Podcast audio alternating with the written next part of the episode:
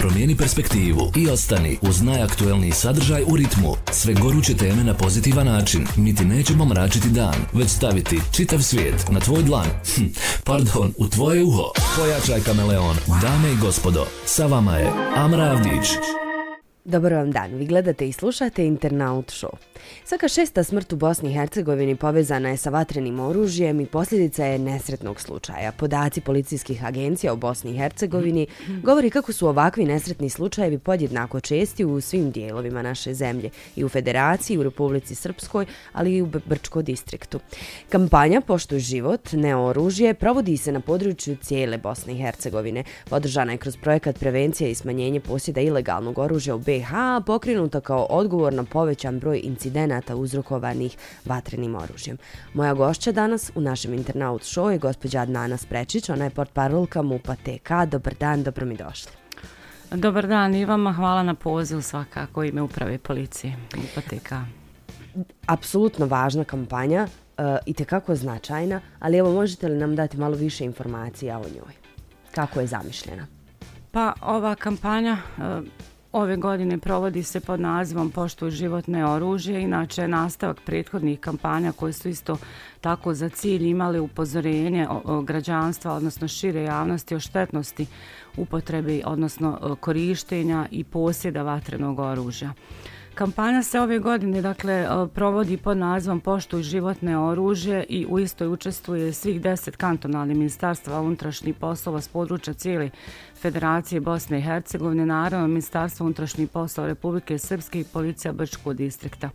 Uz ko, ko, kontinuirani nadzor nad provođenjem od strane Koordinacijskog odbora za kontrolu malog i lakog naoružanja, takozvani, takozvani SALV, a e, uz naravno također tehničku podršku misije Ujedinjenih naroda u Bosni i Hercegovini UNDP i sve u okviru jednog velikog projekta koji za cilj ima prevenciju i suzbijanje ilegalnog naoružanja ovdje na području cijele Bosne i Hercegovine.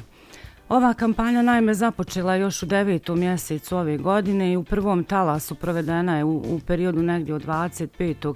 9. pa do 15. 10. U tom prvom talasu e, gdje su također učestvovale sve ove navedene policijske agencije, a skupa s njima naravno i uprava policije MUPA TK, e, imala je e, fokus zapravo na rodno zasnovanom nasilju prema ženama, odnosno rodno zasnovanim ubistvima žena, vanbračnih partnerica, takozvani femicid.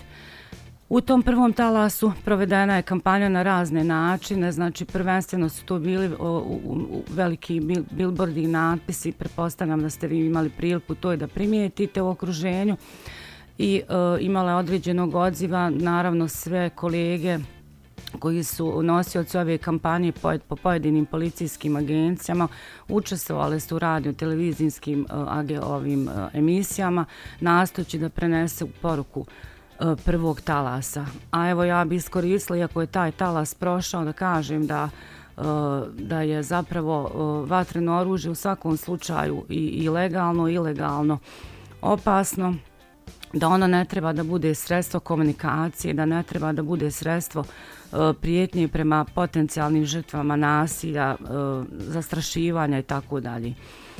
E, šta kažu podaci s terena? Dakle, e, imamo li neke okvirne brojke koliko zapravo ljudi posjeduje oružje na području našeg kantona?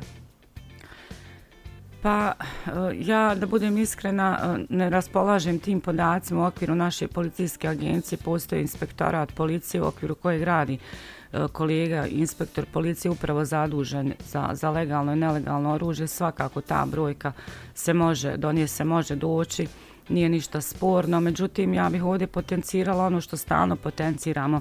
E, nije bitan uopšte e, broj legalnog oružja, bitno je da, da je ono, znači da se drži i koristi i čuva u skladu sa propisima, odnosno sa zakonom o oružju municiji Tuzlanskog kantona. Jer, dakle, odgovorno korištenje, odgovorno vlasništvo oružja ne dovodi nas u opasnost od bilo kakvih štetnih posljedica po zdravlju ili život ljudi sigurno. Um, ukoliko posjedujemo nelegalno oružje, sticajem okolnosti, da li je to neka zaostavština proteklog rata, a, a želimo ga predati i želimo to učiniti anonimno, kako zapravo izgleda taj proces, kako to možemo učiniti anonimno? E, evo ja ću se samo vratiti još malo na ovaj uvodni dio koji sam vam rekla. Znači nastavila bih da je sada trenutno u ovom momentu se dešava drugi talas ove kampanje Poštuj životne oružje i da je njegov fokus upravo na odgovornom držanju oružja. Taj talas traje tamo od e, 30.10. Od 2023. pa do 5.12.2023. godine i e, u određenom smislu, znači mi smo svim svojim kapacitetima fokusirani na e, apelovanje na građane da, da građane, dakle vlasnike vatrenog oružja da isto očuvaju sklad sa propisima. Iskorišću priliku dakle da kažem da je po zakonu o oružju munici Tuzlanskog kantona, a što su propisali otprilike uh, sa sličnim odredbama i drugi zakoni na kantonalnim nivoima, pa i MUP RS-a i Policija Brčkog distrikta, uh, nalaže vlasnicima oružja da isto čuvaju u sefovima, zatvorenim ormarima pod ključevima ili šifrom, uh, dakle uh, u spremištima koja se ne mogu otvoriti određenim, uh, ajde da kažem, uobičajenim alatima, te da oružje vatreno u svakom slučaju mora biti odvojeno od municije, mora biti nedostupno neovlaštenim licima i mora biti naročito e, nedostupno djeci i maloljetnicima. Dakle, ovo je ono e, što mi forsiramo, što je jako važno da vlasnici vatrenog oružja imaju na umu. Eh, jer u tom slučaju našim ponašanjem i odgovornim ponašanjem eh, eh, vezano za skladištenje čuvanje oružja, rukovanje vatrenim oružjem, prilikom nekih uobičajenih radnji kao što recimo održavanje, čišćenje oružja, doprinosimo sigurnosti kako sebe, svojih najbližih, tako i šire okoline, odnosno društvene zajednice.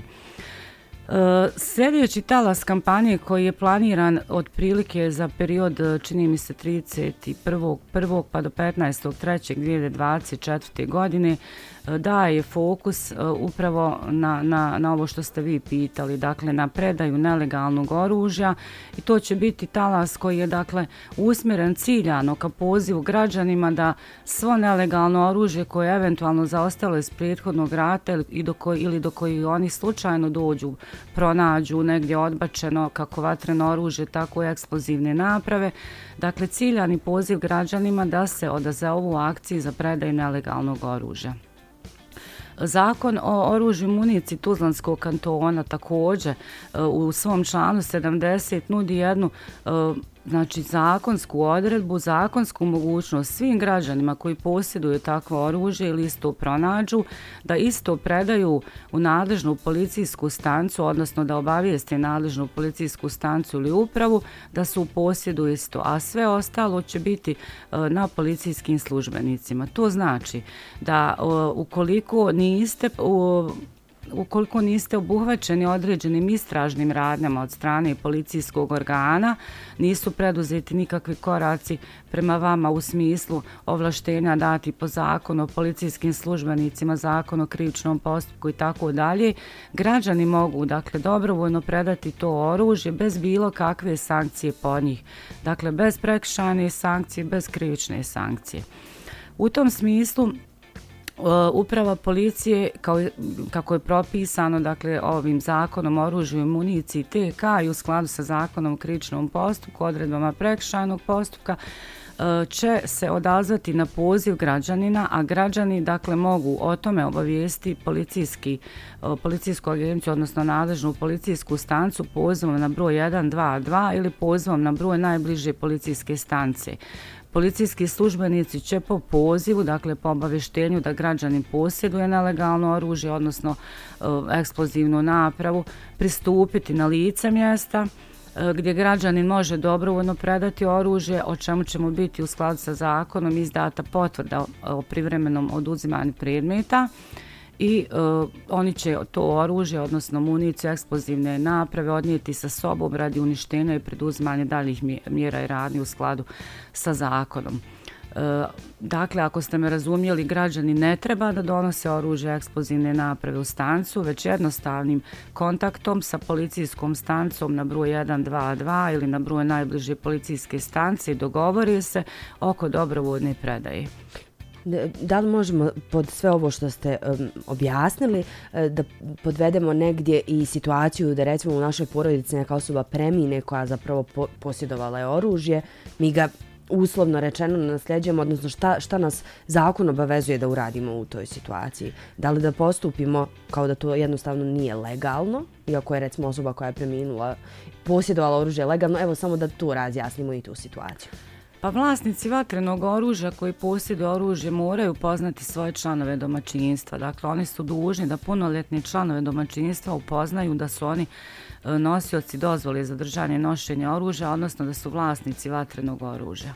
U tom slučaju zakon je dakle propisao da svi punoljetni članovi domaćinstva nakon smrti vlasnika oružja su dužni odmah obavijestiti o tome nadležnu policijsku stancu, odnosno upravu. Takvo oružje bit će privremeno oduzeto dok se ne okonča ovaj ostavinski postupak i svaki građanin koji je naslijedio to oružje u ostavinskom postupku ima ponovo pravo na povrat tog oružja, odnosno pravo da u skladu sa zakonom predviđenim usama podnese zahtjev za to oružje, za držanje nošenja oružja kako bi mu se izdala dozvola. Dakle, on to svoje pravo da on bude nasljednik vatrenog oružja može iskoristiti i ostvariti. Međutim, dakle, on, on ima obavezu da nakon smrti preminulog vlasnika člana domaćinstva, a vlasnika vatrenog oružja, o tome obavijesti policijsku stancu. Jasno. Ponovo ću ponoviti negdje stvarno više nego važna i potrebna kampanja i ovo možda za kraj našim slušateljima i slušateljicama, gledateljima i gledateljicama nekakve krajnje poruke kampanje koje ste vi to na početku lijepo kazali, ali da zaokružimo naš razgovor. Uh, ja ću se samo još nadovezati, možda vam nije poznato, a korisno bi bilo da i to kažemo prije nego što uputimo konačnu poruku za, za javnost, odnosno građanstvo, uh, da je jako bitno da građani vlasnici, dakle vatrenog oružja, znaju i sljedeće, da je zakonom također propisano da u slučaju da napuštaju mjesto prebivališta u roku dužem od 90 dana, oni su dužni takvo oružje skupa sa dozvolom ostaviti kod zato ovlaštene institucije. To su recimo ove pravna lica koja se bavi nabavkom i prodajom vatrenog oružja i municije i tako dalje. Dakle, ako napuštate mjesto prebivališta u roku dužim od 90 dana, dužni ste znati, a o tome ste bili upoznati prije nego što ste dobili dozvolu za nošenje oružja, e, takvo oružje ste dužni ostaviti kod institucije koja je ovlaštena da se može pobrinuti za njeno adekvatno, za, za adekvatno čuvanje, odnosno držanje vatrenog oružja. A vezano za općenito ovu kampanju, znači već sam rekla u uvodnom dijelu da se dugi niz godina provode kampanje koje imaju za cilj upoznavanje sa e, štetnim posljedicama upotrebe i zloupotrebe vatrenog oružja, eksplozivnih naprava koje se nađu na različitim terenima, na javnim prostorima e, i tako dalje. Ta ova kampanja je nastavak svih prethodnih koji, kako sam rekla, imaju globalni cilj, znači prevenciju i suzbijanje nelegalnog oružja. E, pored e, uh, ovog naglaska na, dakle, na odgovorno držanje oružja, ova kampanja je poziv na akciju za predaj nelegalnog oružja. Tokom cijele kampanje, dakle, od 9. mjeseca do okončanja, ali ne samo tokom trajanja kampanje, već u tokom cijele uh, godine, građani mogu u skladu sa dakle odredbama zakona o oružju municiji Tuzlanskog kantona e, predati nelegalno oružje ukoliko nisu pod istražnim radnjama policijskih organa, dakle dobrovoljno, bez bilo kakve sankcije. Iz tog razloga ja u ime uprave policije Mupateka iz želje da zajednički doprenesemo Eh, produbljivanju svijesti kod, kod građanstva o štetnosti ovih posljedica i želje da eh, koliko je to do nas, koliko je moguće nivo sigurnosti eh, dovedemo na što viši i povoljniji nivo za, za sve nas.